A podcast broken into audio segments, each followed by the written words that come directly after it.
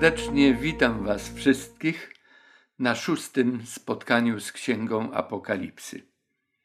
Dzisiaj będziemy czytać i rozważać dwa następne listy, jakie Pan Jezus skierował do chrześcijańskich zborów w Azji Mniejszej.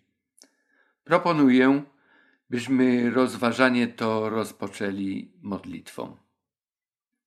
Nasz niebiański Ojcze, w imieniu Twojego Syna i naszego Zbawiciela Jezusa Chrystusa, przychodzimy, aby Ci podziękować za możliwość spotkania się dzisiaj, czytania Twojego słowa i dziękuję Ci za to, że Duch Twój Święty poprowadzi nas poprzez to studium, że będziemy mogli je zrozumieć.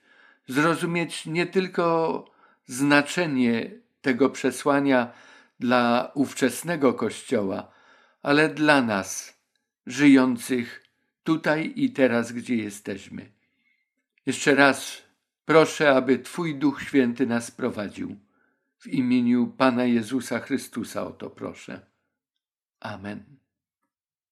Jestem przekonany, że Bóg pomoże nam dzisiaj zrozumieć te ważne przesłania, które zaadresował do wierzących swoich dzieci, które żyły w pierwszym wieku ery chrześcijańskiej. Są to poselstwa, które zawierają również nauki dla wszystkich naśladowców Chrystusa w każdym czasie, również i dzisiaj. Tym razem chodzi o treści zawarte w listach do zborów w Sardes i w Filadelfii. Kolejny raz spoglądamy na geograficzne rozmieszczenie siedmiu zborów.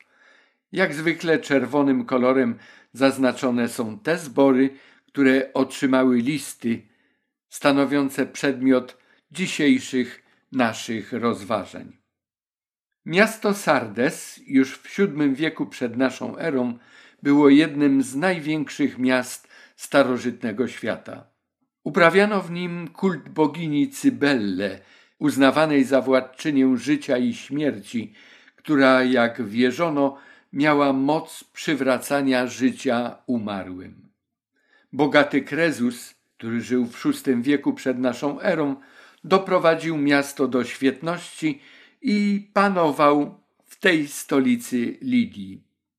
W Sardes kolejno panowali Persowie, tacy jak Cyrus, Xerxes, następnie rządy sprawowali Grecy, Aleksander Wielki, jego generał Seleukos, a od 133 roku przed naszą erą miasto należało do Rzymu, ale wtedy utraciło ono swoją wysoką rangę i dawne znaczenie.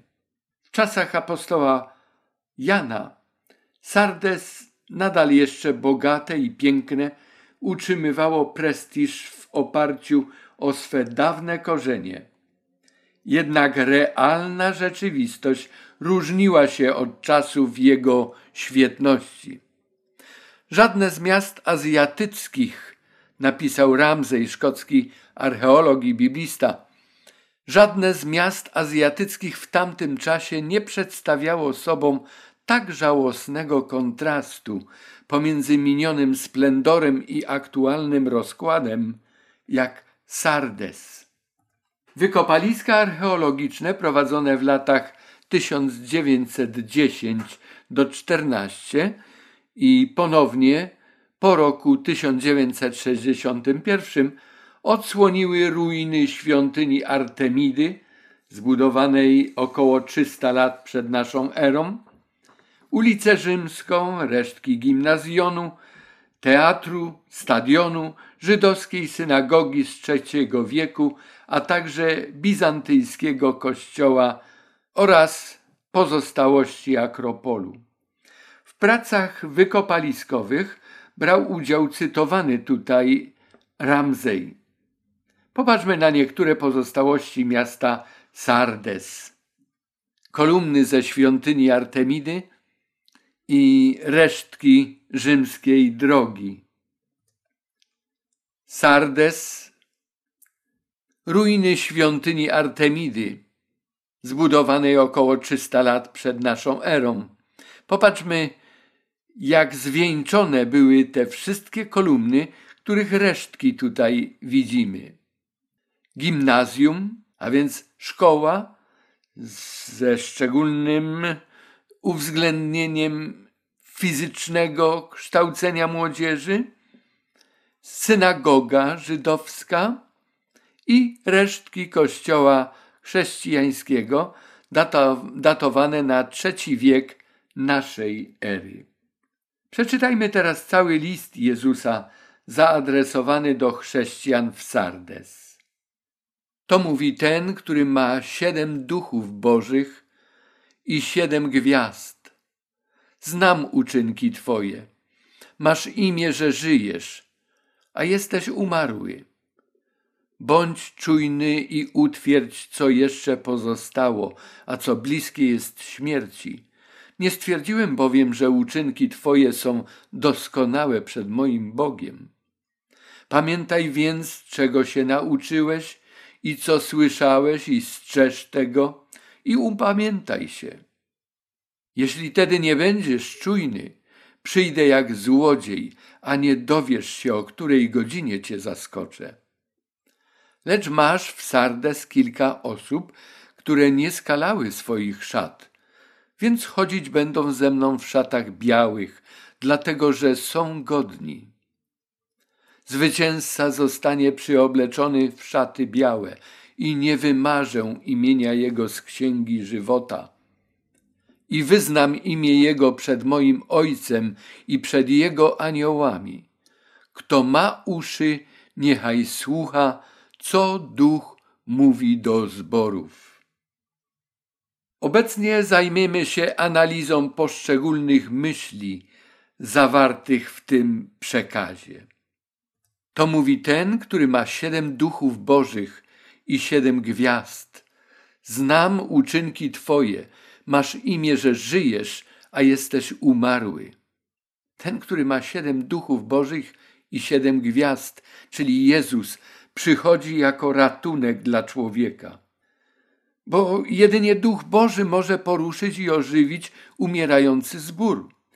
Gwiazdy, przywódcy zborów, podobnie jak zbory należą również do Jezusa. Znam uczynki Twoje. Chrześcijaństwo nie jest jedynie ideologią jakąś, nie jest teorią. Chrześcijaństwo wierzących w Chrystusa owocuje praktycznym życiem. Z tym, że Chrystus w Ewangelii Jana to jest zapisane, powiedział: Beze mnie nic uczynić nie możecie. Masz imię, że żyjesz, a jesteś umarły, powiedział Chrystus. Wierzący w Sardes nie byli odstępcami od wiary, jednak groziło im wielkie niebezpieczeństwo.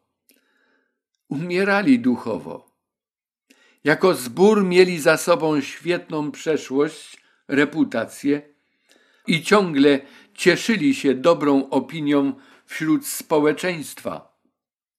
Ale to stwierdzenie masz imię, że żyjesz, a jesteś umarły. Jak gdyby Chrystus powiedział: Ładnie wyglądasz, ale jesteś martwy, jak w mauzoleum. Biblia zna i opisuje takie przypadki. W liście do Efezjan czytamy, że ci, którzy brnęli w grzechach, byli umarli poprzez upadki i grzechy. W liście do Tymoteusza apostoł Paweł pisze o kobietach, które jeśli prowadzą rozwięzłe życie, to za życia są już jak umarłe. W drugim liście do Tymoteusza Paweł mówi o ludziach, którzy przybierają pozór pobożności, podczas gdy życie ich jest zaprzeczeniem tej mocy, mocy Ewangelii, na którą się powołują, którą przecież kiedyś zaakceptowali i w nią uwierzyli. Ale nawet w takich przypadkach jest nadzieja. Tutaj, gdybyśmy odwołali się do przypowieści Chrystusa, o synu marnotrawnym, to Chrystus wkłada w usta Jego Ojca słowa ten Syn mój był umarły, a ożył, zginął, a odnalazł się.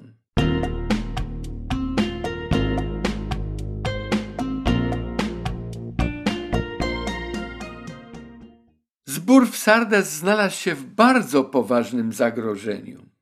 Wierzący wchłonęli atmosferę miasta.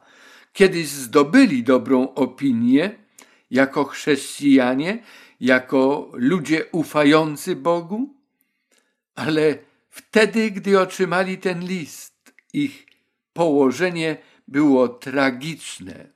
Chrystus ponagla ich, bądź czujny, utwierdź, co jeszcze pozostało, a co bliskie jest śmierci. Nie stwierdziłem bowiem, że uczynki Twoje są doskonałe przed moim Bogiem.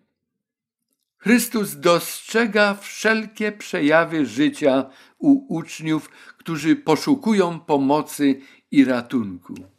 Ludzie ci pozostawieni samym sobie wkrótce podzielą losy ogółu. Anioł zboru jest wezwany do otrząśnięcia się z letargu. Potrzebna mu jest wrażliwość, wzmożona czujność, troska o współwierzących. Tego Bóg oczekuje od osób odpowiedzialnych, którym zwierzono ważne funkcje w Kościele. Taki człowiek musi podjąć konkretne działania. Wielu współwyznawców wymaga reanimacji, to prawda. I dopóki istnieją oznaki życia, człowieka należy ratować. Nie stwierdziłem bowiem, że uczynki Twoje są doskonałe przed moim Bogiem, powiedział nasz Zbawiciel. Inaczej to, co do tej pory czyniłeś, nie jest wszystkim, na co Cię stać.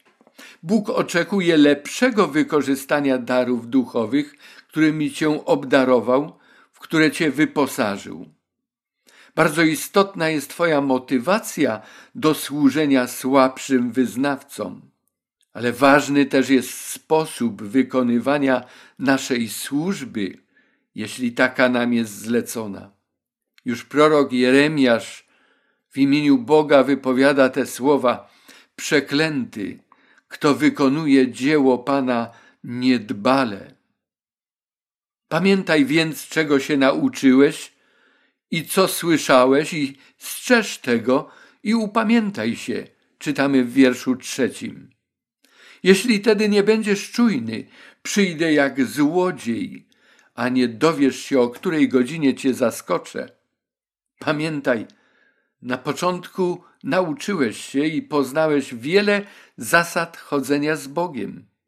A więc strzeż tego, pielęgnuj te wartości, praktykuj w życiu to, czego się nauczyłeś.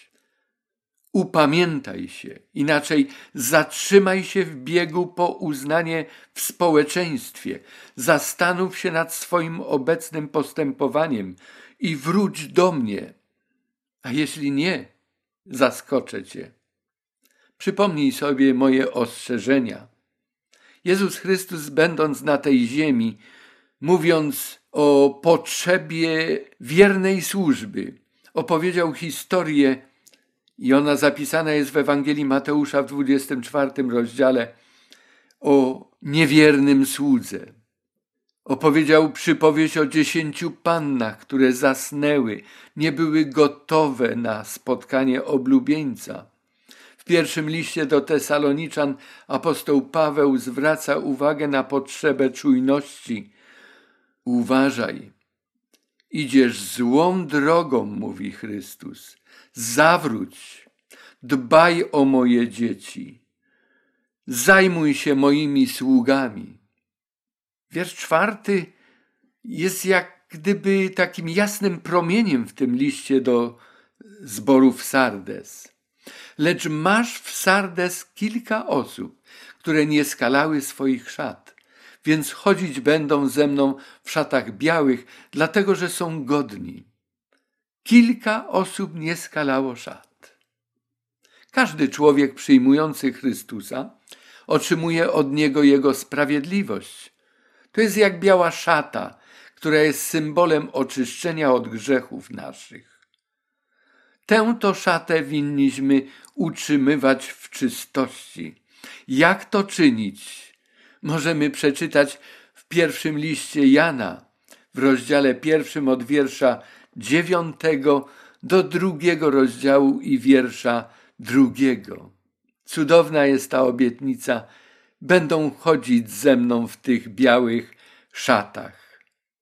Gdy Pan powróci, zbawieni już na zawsze zachowają czystość od grzechu, od wszelkiego skalania. Takimi zobaczył Jan w wizji na wyspie Patmos tych, którzy nazwani zostali grupą 144 tysięcy, a także wielkim tłumem ubranych w białe szaty. Tak ubraną oglądał Jan oblubienicę, co zapisał w dziewiętnastym rozdziale, wierszu siódmym i ósmym. I tutaj powinniśmy na to zwrócić szczególną uwagę, że ta czysta szata, w którą ubrana jest oblubienica Chrystusowa, to są sprawiedliwe czyny naśladowców Jezusa Chrystusa.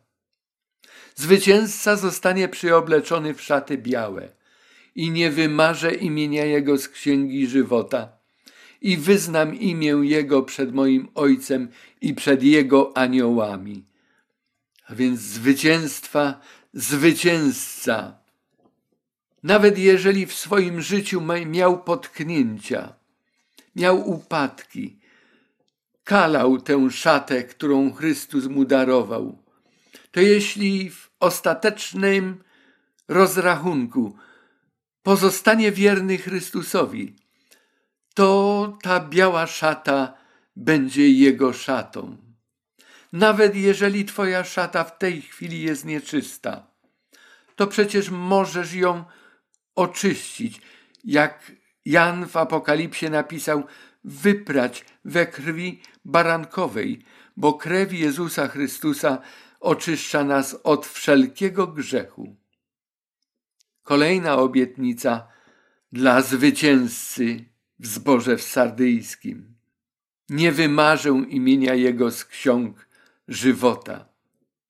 Wymazane z tych ksiąg będą imiona ludzi trwających w grzechu. O tym Bóg powiedział już kiedyś Mojżeszowi. Apokalipsa mówi o tym, że ci ludzie zginą w jeziorze ognia i siarki, natomiast zapisani w księdze życia wejdą do zbawienia.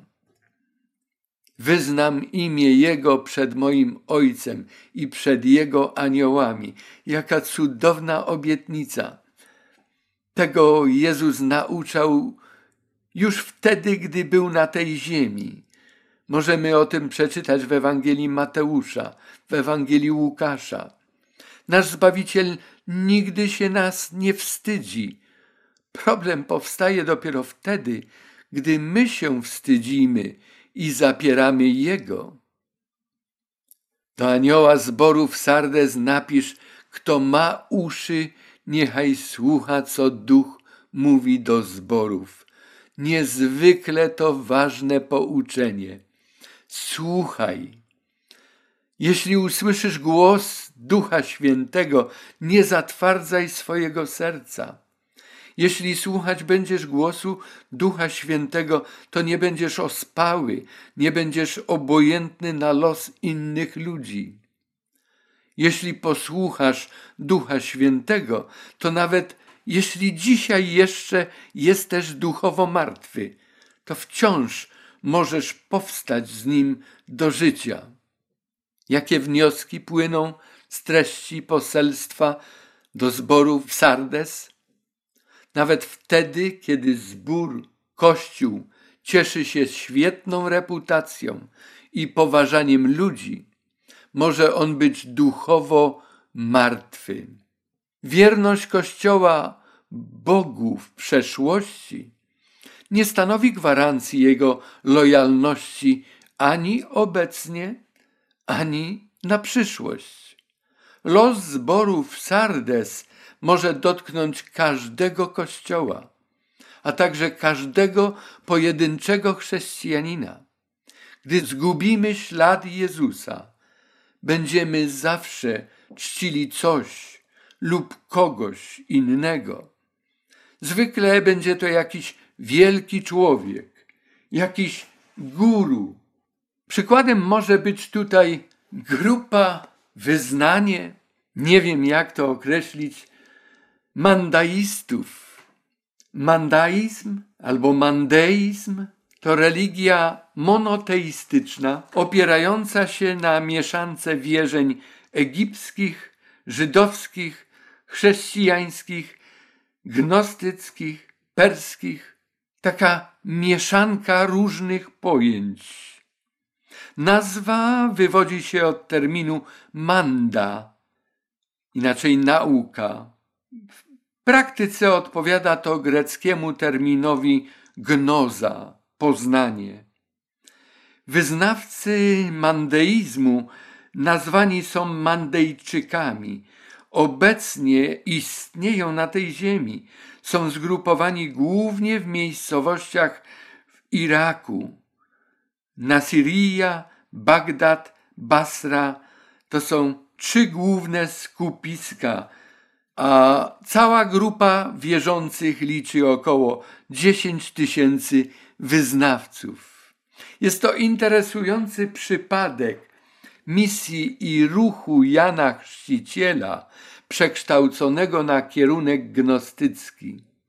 Mandeizm uznaje Jana Chrzciciela za prawdziwego proroka, natomiast Jezusa Chrystusa za proroka fałszywego. Gdy apostoł Jan pisał Ewangelię, to zwracał uwagę na wypowiedzi Jana Chrzciciela dotyczące wielkości Jezusa jako prawdziwego Mesjasza. A jednak ten Boży ruch został przez ludzi tak odkształcony, że Mandejczycy zamiast podążyć za Jezusem Chrystusem, o którym świadczył Jan Chrzciciel, zatrzymali się przy Janie i gdyby tylko to, dołożyli do nauki i pojęć Janowych cały szereg innych pojęć spoza żydostwa, a również i spoza chrześcijaństwa. Popatrzmy, co może się stać z człowiekiem, który nie idzie prosto za Chrystusem. Uważajmy też, bo zmęczenie, utrata ideałów to częsty efekt wypalenia się, nawet w służbie, nawet w służbie chrześcijańskiej.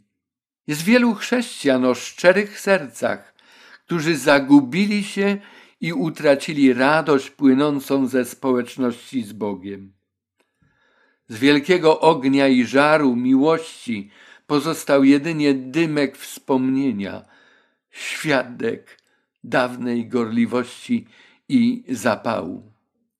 W pewnym okresie trudno jest się nam odnaleźć i nadal służyć Bogu.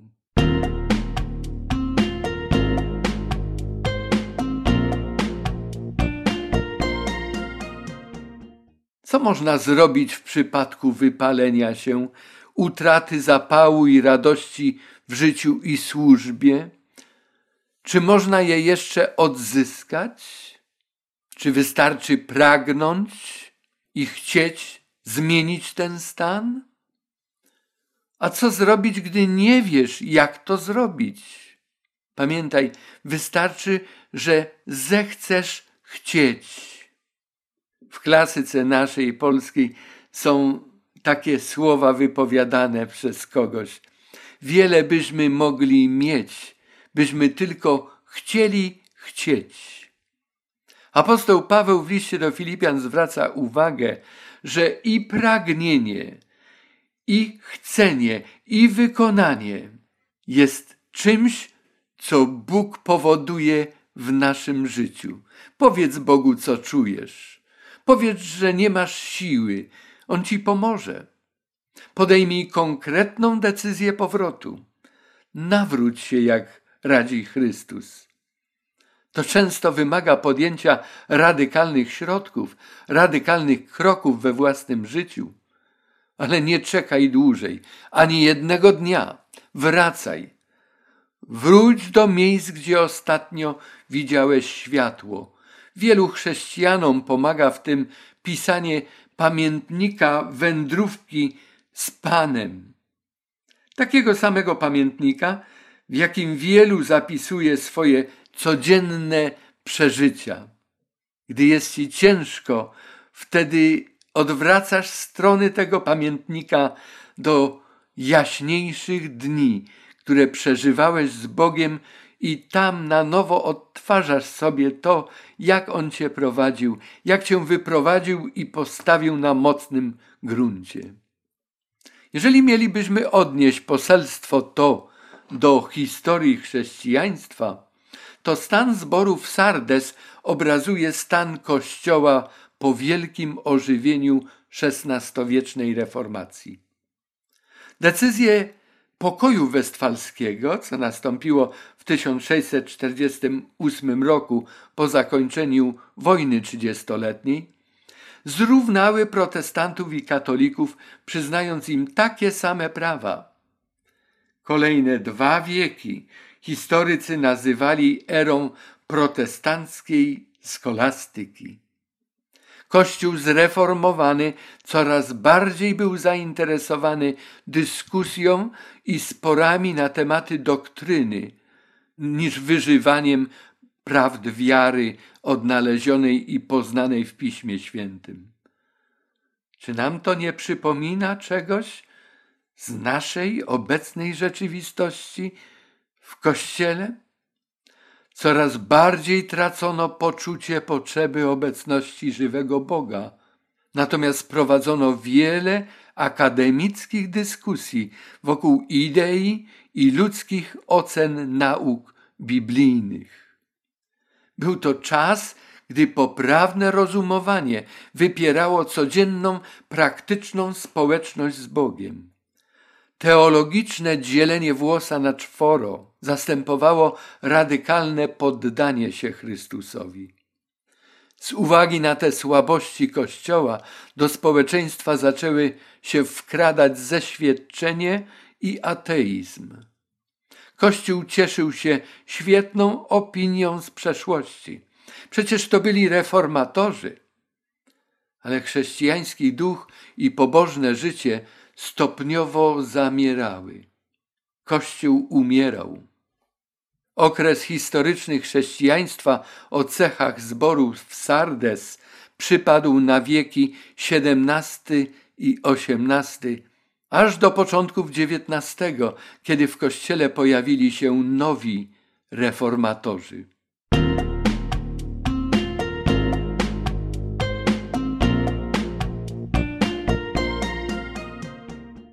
Zajmijmy się teraz listem Jezusa Chrystusa do zboru Filadelfii. Filadelfia oznacza bratnia miłość. Miasto założył w 189 roku przed naszą erą Eumenes II, król Pergamonu.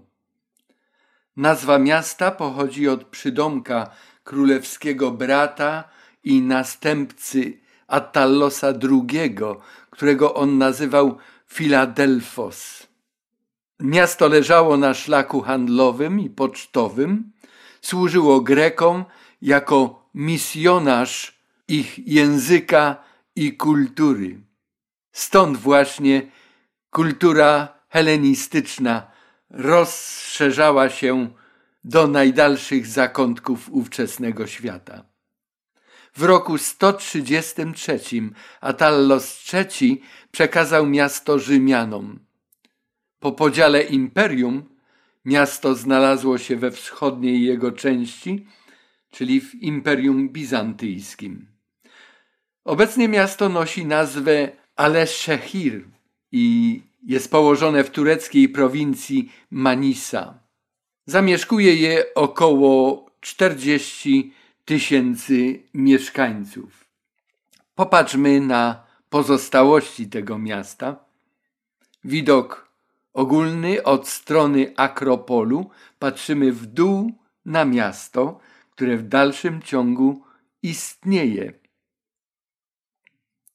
Filary wczesnochrześcijańskiego kościoła świętego Jana. Jest to spojrzenie na Akropol widoczny w głębi, to wzgórze pośrodku tych dwóch potężnych filarów. Sarkofagi na podwórzu tego kościoła, w zasadzie e, wewnątrz tego kościoła. Z tym, że te dwa filary od strony ulicy tak okazale się prezentują, a za nimi jest schowana jak gdyby cała reszta. Pomiędzy filarami kościoła chrześcijańskiego, który kiedyś stał i zapewne zapełniony był wierzącymi w Chrystusa, z którego to kościoła zostały tylko te filary, tylko te resztki. Pomiędzy tymi filarami widzimy aktualnie funkcjonującą wieżę muzułmańskiego minaretu. Islam jest dominującą religią w Turcji i w tym mieście Filadelfia również.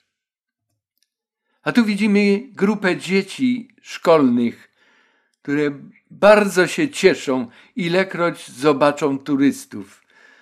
Są bardzo ciekawe, chcą rozmawiać, bardzo chętnie częstują czymkolwiek co mają, czy cukierkami, czy długopisami, wszystkim. Jak zobaczą gościa w swoim mieście, ich radość jest przeogromna, zaskakujące. Jak gdyby ta nazwa bratnia miłość nadal tam tętni życiem. Jeszcze jeden filar dawnego budynku kościelnego. Obok zaraz są budynki mieszkalne, bloki, tak jak widzimy na zdjęciu. Do aniołu zboru w Filadelfii napisz. To mówi święty i prawdziwy, ten, który ma klucz Dawida, ten, który otwiera, a nikt nie zamknie, i ten, który zamyka, a nikt nie otworzy. Znam uczynki Twoje. Oto sprawiłem, że przed Tobą otwarte drzwi, których nikt nie może zamknąć, bo choć niewielką masz moc, jednak zachowałeś moje słowo i nie zaparłeś się mojego imienia. Oto sprawię, że ci synagogi szatana, którzy podają się za Żydów, a nimi nie są, lecz kłamią. Oto sprawię, że będą musieli przyjść i pokłonić się Tobie do nóg i poznają, że ja Ciebie umiłowałem ponieważ zachowałeś nakaz mój, by przy mnie wytrwać, przeto i ja zachowam cię w godzinie próby, jaka przyjdzie na cały świat. Przyjdzie, by doświadczyć mieszkańców ziemi. Przyjdę rychło. Trzymaj, co masz, aby nikt nie wziął korony twojej. Zwycięzcę uczynię filarem w świątyni Boga mojego i już z niej nie wyjdzie i wypiszę na nim imię Boga mojego i nazwę miasta Boga mojego, nowego Jeruzalem, które zstępuje z nieba od Boga mojego i moje nowe imię. Kto ma uszy, niechaj słucha, co duch mówi do zborów. Taka jest treść całego listu. A teraz przejdźmy do analizy poszczególnych części tego listu.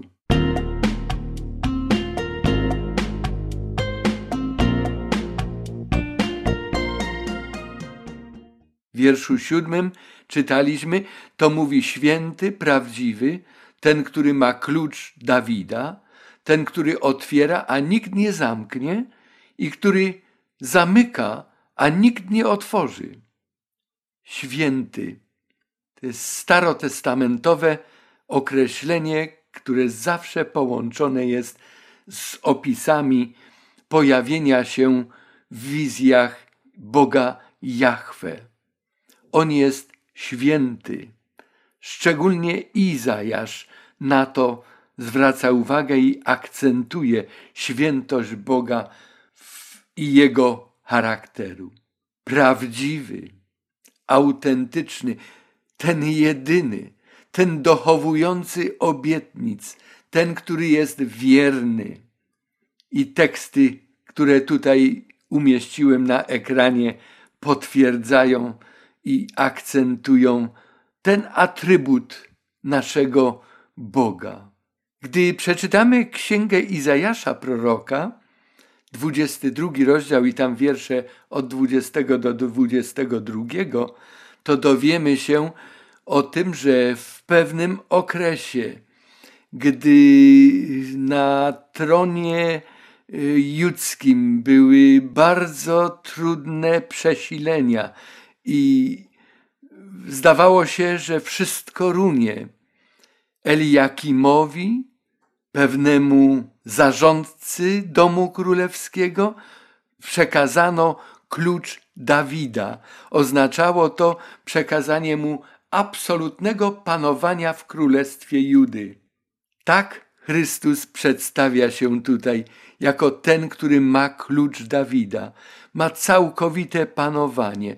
To on decyduje, że coś się dzieje i stworzone są jakieś możliwości działania, rozwoju, ale on też może zamknąć i zablokować każde działanie i nikt tego nie zmieni. Jezus posiada pełnię władzy i pełnię autorytetu. Znam uczynki Twoje, oto sprawiłem, że przed Tobą otwarte drzwi, których nikt nie może zamknąć, bo choć niewielką masz moc, jednak zachowałeś moje słowo i nie zaparłeś się mojego imienia. Otwarte drzwi. Takie było położenie Filadelfii, które powodowało, że było to miasto misji. Oni szerzyli język grecki. Przez ich miasto przetaczały się różne barbarzyńskie plemiona Azji.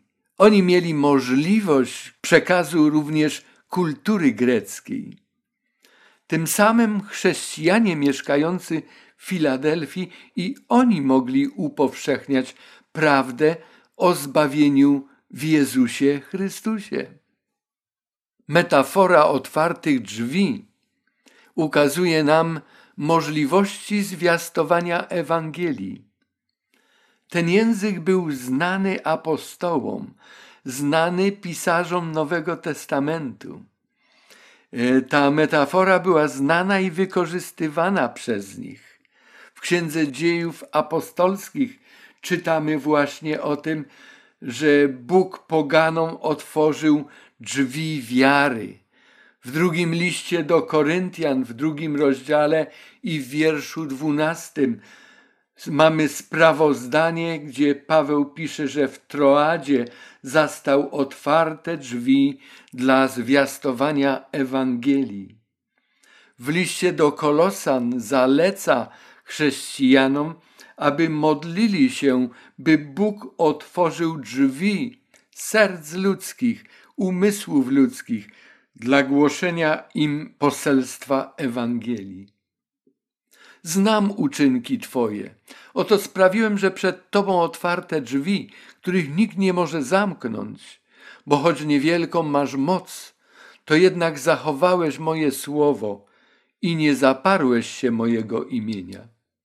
Niewielką masz moc, ale wszędzie tam, gdzie Bóg stwarza dogodne możliwości, zwycięża, chociaż szatan przeciwdziała każdemu Bożemu działaniu i każdemu działaniu sług Bożych.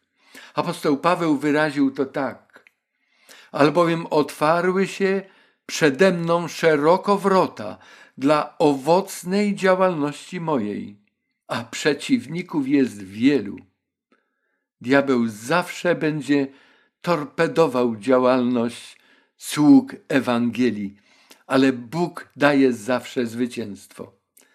Chrystus ujawnił, kim szatan się posłuży, by przeszkadzać ludziom znaleźć drogę do zbawienia. Zarówno w Ewangelii Mateusza, jak i w Ewangelii Łukasza zwraca uwagę na jedno i to samo. Gdziekolwiek Bóg otwiera drzwi możliwości, tam Jego uczniowie są zapraszani, przez Niego są zapraszani do służby. Przeszkadzać tutaj mieli Żydzi. Czytamy, sprawie, że ci z synagogi szatana, którzy podają się za Żydów, a nimi nie są, lecz kłamią, sprawie, że będą musieli przyjść i pokłonić się Tobie do nóg i poznają, że ja Ciebie umiłowałem. Synagoga szatana, czyli miejsce gromadzenia demonów? Filadelfia napotykała na takie trudności, z jakimi także borykał się zbór w Smyrnie. Kościół był zniesławiany, głównie Żydzi psuli mu opinię. W tym względzie zbór podobny był do Jezusa, którego także zniesławiano. Prześladowania ze strony Żydów odnotowywane były przez Łukasza, który pisał Księgę Dziejów Apostolskich. Pierwszym męczennikiem był Szczepan, zabity, ukamienowany przez Żydów. Trzynastym rozdziale czytamy o prześladowaniach podczas podróży misyjnej. Podobnie w czternastym rozdziale, w siedemnastym rozdziale ciągle ludzie z synagogi starali się przeciwdziałać wpływowi Ewangelii, która zataczała bardzo szerokie kręgi, również i głównie w tych miastach, o których tutaj w dziejach apostolskich jest powiedziane, miastach zdominowanych przez mieszkańców kultów religii pogańskich. Żydzi też przyczynili się do śmierci 86-letniego Polikarpa, który w 168 roku naszej ery został zabity w Smyrnie na zboczach góry Pagos. Tertulian synagogi istniejące w II wieku nazywa źródłem prześladowań chrześcijan. I tak właśnie było. Jednak Żydzi musieli później zrezygnować z tej walki z chrześcijaństwem. Oponenci będą jednak musieli uznać, że Chrystus miłuje swój wierny Kościół. Nie będą też mogli zahamować pochodu Ewangelii.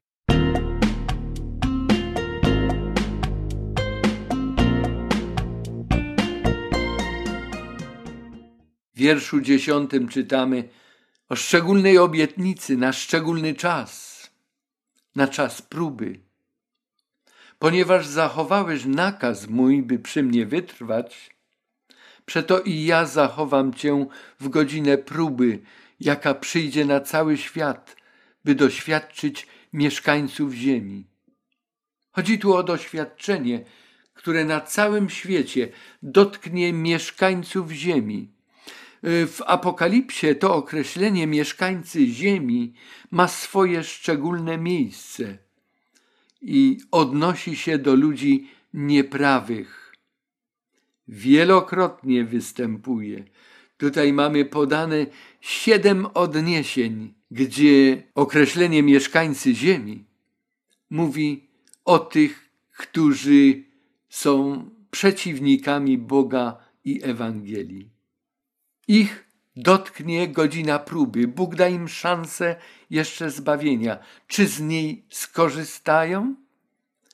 Ale wtedy chroniony w szczególny sposób będzie zbór, będzie Kościół. Zapowiedź dotyczy sądów bożych, głównie też plag spadających na krótko przed powrotem Pana Jezusa. Plagi spadną na zdeklarowanych wrogów Boga Szesnasty rozdział opisuje to bardzo obszernie. Bóg przeprowadzi swoich wiernych przez ten trudny odcinek drogi, drogi do ich zbawienia.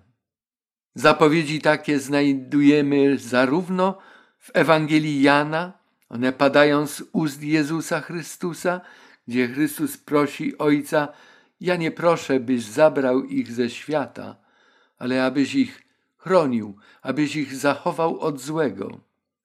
W psalmie 91 czytamy o tym, że tysiące ludzi będą ginąć, a wierzący będą ochronieni, bo Bóg aniołów swoich wyśle, aby zabezpieczali ich przed grożącymi im niebezpieczeństwami.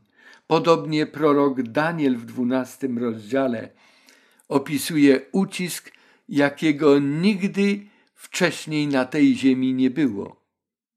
Trzymaj co masz, zachęca Chrystus swój Kościół. Trzymaj co masz, aby nikt nie wziął korony Twojej. Bo Biblia opisuje, zna i opisuje osoby, które utraciły to, co posiadały.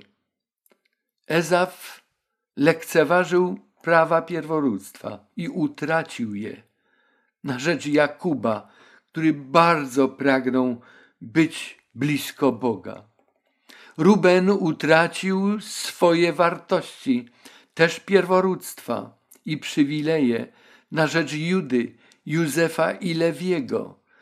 Błogosławieństwo pierworodnego Rubena rozdzielone zostało na trzech synów Jakuba, na Judę, na Józefa i na Lewiego. Saul, pierwszy król Izraela, utracił królestwo na rzecz Dawida. Dalej i szerzej Izrael utracił przywilej współpracy z Bogiem na rzecz Kościoła chrześcijańskiego, w którym znajdować się będzie wielu, wielu ludzi pochodzenia pogańskiego. Jakie to przykre, gdy Bóg oferuje człowiekowi jakieś przywileje i zadania, a ta osoba je odrzuca. W takim przypadku Bóg przekazuje je komuś innemu, co jest oczywiste. Dzieło Boże nigdy nie będzie zahamowane przez opieszałość czy niewierność człowieka. Zwycięzcę uczynię filarem w świątyni Boga mojego i już z niej nie wyjdzie i wypiszę na nim imię Boga mojego i nazwę miasta Boga mojego, nowego Jeruzalem, które zstępuje z nieba od Boga mojego i moje nowe imię.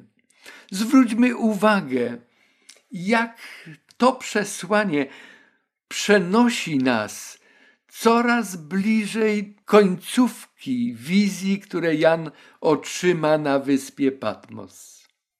Zwróćmy uwagę też, że zwycięzca będzie uczyniony filarem w świątyni Boga. Jak gdyby ten symbol Filadelfii widzimy, gdy z kościoła chrześcijańskiego pozostały tylko te filary i nic innego.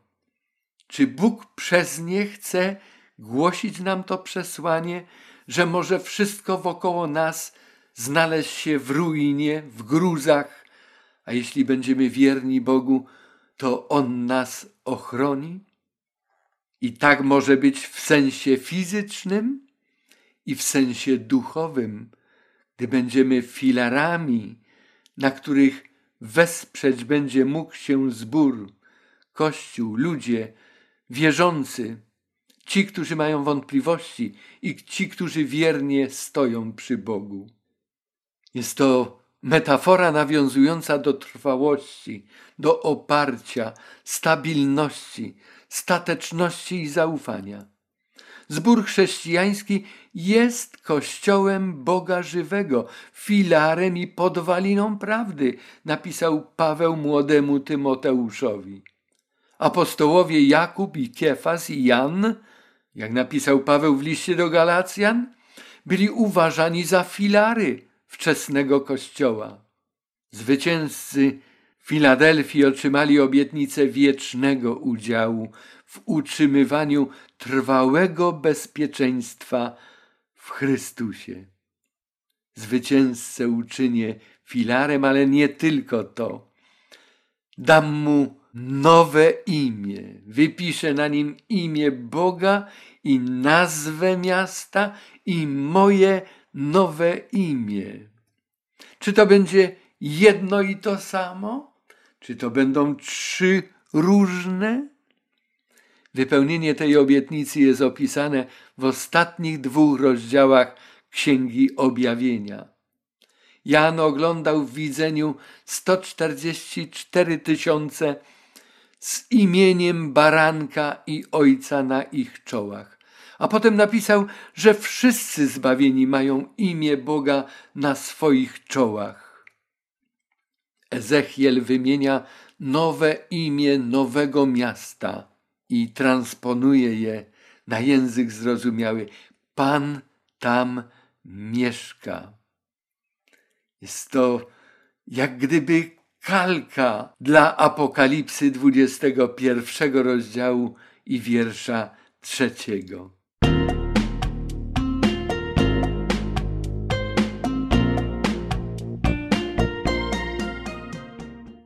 Kto ma uszy, niechaj słucha, co duch mówi do zborów. Masz niewielką moc, ale olbrzymie możliwości. Drzwi możliwości są przed tobą szeroko otwarte. Wejdź w nie. Trzymaj, co masz. Przed tobą wielka nagroda. Ale pamiętaj, że łatwo możesz stracić koronę, która już jest dla ciebie. Zapamiętaj, u Boga pojęcie raz zbawiony, na zawsze zbawiony nie istnieje. Gdy nawracasz się do Boga, Bóg nie odbiera ci wolnej woli. Masz prawo zrezygnować z pełnienia i wykonywania zadań, do których cię przygotował. Gdybyśmy mieli znowu ubrać to poselstwo w rys historyczny, to byłby to wiek XVIII i XIX. Czas braterskiej miłości w chrześcijaństwie. Czas niewielkich zasobów i olbrzymich możliwości. Czas otwartych drzwi dla misji. Powstają towarzystwa misyjne. Powstają towarzystwa biblijne. Samo brytyjskie i zagraniczne Towarzystwo Biblijne, które założone było w 1804 roku, w Polsce działało już od 1816 roku. To Towarzystwo Biblijne nadal istnieje, z tym, że już nie jest brytyjskie i zagraniczne Towarzystwo Biblijne, ale Towarzystwo Biblijne Polsce. Polskę już stać na to, aby prowadzić takie Towarzystwo Biblijne. Wtedy też, gdy do Polski trafia filia tego towarzystwa brytyjskiego. W Ameryce powstaje Towarzystwo Biblijne. Ten sam 1816 rok. Francuskie towarzystwa biblijne, inne towarzystwa biblijne, które trudno dzisiaj nawet może wszystkie ogarnąć i zliczyć. Towarzystwa te nie tylko dokonywały przekładu Pisma Świętego na języki różne języki świata. Towarzystwa biblijne w ponad 800 przypadkach są twórcami języków, których nie było. Języków, które istniały tylko w formie wokalnej, ale nie miały ani zasad gramatyki, ani ortografii. Trzeba było zadbać o to wszystko, aby na ten język później przełożyć treści Pisma Świętego i wysłać tym narodom, aby Ewangelia zgodnie z zapowiedzią Jezusa Chrystusa była kazana każdemu narodowi, pokoleniu, językowi i ludowi. Jeżeli chodzi o dystrybucję Pisma Świętego, mam tutaj przed sobą pewne sprawozdania, pewne raporty Najpierw raport za rok 2006, a później za lata od 2000 do 2006. A więc w 2006 roku. Słowo Boże albo w całości jako Pismo Święte. W liczbie ponad 25 milionów było upowszechnione, poszczególne testamenty ponad 13 milionów, pojedyncze księgi 14 milionów, urywki, teksty 9 milionów, cytaty biblijne w specjalnych wydaniach 306 milionów i 23 miliony nowotestamentowych cytatów. Ogółem w roku 2006 towarzystwa biblijne wydały i upowszechniły prawie 400 milionów różnych form, różnych traktatów, broszur, książek czy całego Pisma Świętego. Jeżeli chodzi o raport za lata 2000 do 2006, to popatrzmy, ile tutaj milionów było upowszechnione również tych cytatów biblijnych ze Słowa Bożego i całych przekładów Starego i Nowego Testamentu. Gdy do tego dołożymy te prawie 400 milionów 2006 roku, to sięgamy już miliardów egzemplarzy i to było wszystko zapoczątkowane rozwojem misji, a misjonarze nawoływali do potrzeby tłumaczenia Pisma Świętego na obce języki. A więc masz niewielką moc i olbrzymie możliwości. Drzwi możliwości są przed tobą szeroko otwarte. Wejdź w nie, trzymaj co masz. Przed tobą wielka nagroda, ale pamiętaj, możesz ją utracić, możesz z niej zrezygnować. Ta zasada raz zbawiony, na zawsze zbawiony, nie istnieje u Boga. Pomódlmy się. Drogi Boże i Panie nasz, dziękujemy Ci za dzisiejsze rozważanie Twojego słowa. Jak uroczyste, jak ważne są te przesłania. Ty nam przypomniałeś, drogi Boże, że nie możemy opierać się tylko na tym, że kiedyś byliśmy wierzący, że kiedyś byliśmy czynnymi w Twojej służbie, że kiedyś miłowaliśmy Ciebie, że ta opinia przeszłości, jeżeli nie ma swojego odbicia w rzeczywistości dzisiaj, jest jak oglądanie starych, pożółkłych zdjęć. Ale my chcemy dla Ciebie być żywi. My nie chcemy tylko żyć w opinii i we wspomnieniach ludzi. My chcemy żyć na co dzień, dzisiaj, tutaj i teraz, gdzie jesteśmy. Jak zbór w Filadelfii, mamy olbrzymie możliwości upowszechnienia Twojego słowa. Ty otworzyłeś i nadal te drzwi stoją otworem. Otworzyłeś drzwi dla Twojego słowa. Daj, abyśmy słowo Twoje, Pismo Święte, zanosili do domów ludzi, ażebyśmy je czytali, ażebyśmy budowali naszą wiarę w oparciu o Twoją wolę i Twoje prawdy, a nie pojęcia ludzkie i nie to, jak wielokrotnie ludzie, którzy kiedyś czytali, a później zapomnieli, abyśmy szczątkowo nie przypominali sobie, co Ty powiedziałeś, bo wtedy tak łatwo to zniekształcić. Daj, abyśmy mieli żywy kontakt z Tobą i żywy kontakt z ludźmi, za których oddałeś swoje życie. W imieniu Jezusa Chrystusa bądź uwielbiony i prowadź nas dalej swoją wolą. Amen. Dziękuję Wam wszystkim za uwagę i do zobaczenia w Laodycei. Będziemy czytać ostatni list do tego zboru, jaki Chrystus skierował, i będziemy zastanawiali się, jakie on ma znaczenie dla nas żyjących obecnie. Aha, zapomniałbym, zadanie domowe. Bardzo proszę, przeczytajcie z modlitwą, przeczytajcie z uwagą treść listu do Laodycei. Zawarty jest w Apokalipsie w trzecim rozdziale od wiersza 14 do 22. Niech Bóg ma nas wszystkich w swojej opiece. Do następnego spotkania.